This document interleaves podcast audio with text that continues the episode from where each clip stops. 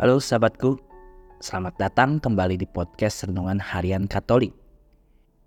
Hari ini kita akan merenungkan bacaan Injil Matius bab 23 ayat 1 sampai dengan 12 bersama-sama.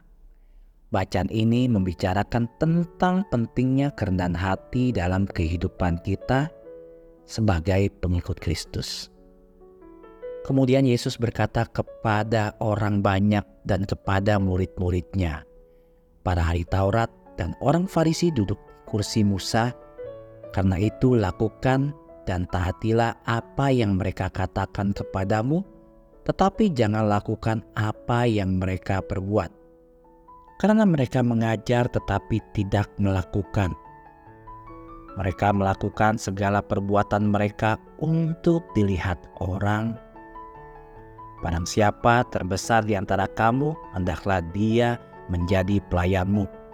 Barang siapa meninggikan diri akan direndahkan, dan barang siapa merendahkan diri akan ditinggikan.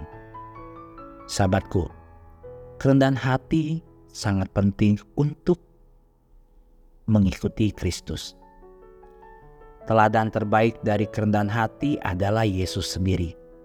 Sebagai Tuhan, Dia menjadi manusia untuk kita, dan kemudian dia menjadi roti hidup.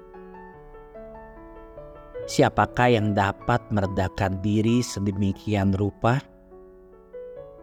Teladan terbaik kedua dari kerendahan hati adalah ibunya.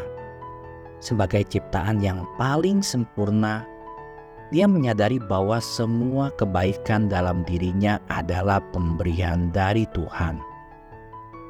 Teladan terbaik ketiga dari kerendahan hati Santo Yosef sebagai pria yang diberkati secara luar biasa, dia tidak pernah membiarkan dirinya menjadi pusat perhatian.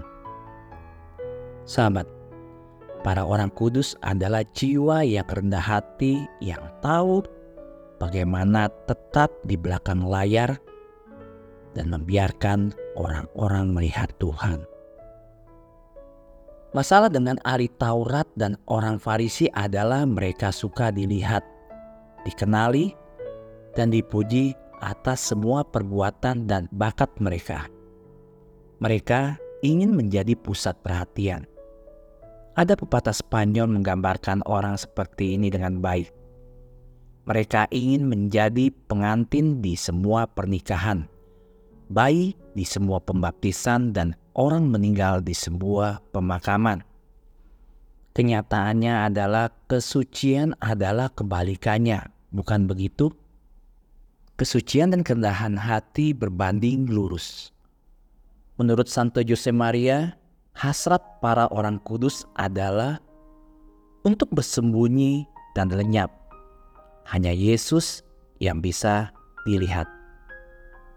Sahabat, selama masa hidup pastor suci dari Ars, Santo Yohanes Maria Vianney, orang-orang datang dari tempat yang jauh untuk mendengarkan khotbahnya.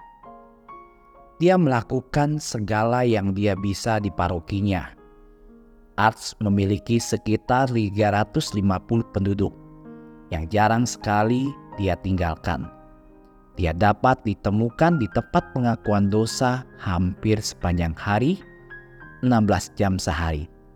Di tempat lain di Prancis pada waktu yang sama ada pengkhotbah terkenal lainnya yang menarik banyak orang dengan khotbahnya yang brilian. Suatu hari seseorang bertanya kepada pengkhotbah itu siapa di antara mereka yang pengkhotbah yang lebih baik. Tentu saja dia jawab pria itu. Karena ketika orang mendengarkan khotbahku, mereka berkata, betapa bagusnya pengkhotbah ini. Tetapi ketika mereka mendengarkan Vianney, mereka berkata, betapa baiknya Tuhan. Maria Ibuku, tolonglah kami untuk belajar dari Engkau kebajikan kerendahan hati, untuk bersembunyi dan lenyap, supaya hanya Yesus yang bersinar. Bunda Maria, harapan kita dan tata kebijaksanaan, doakanlah kami.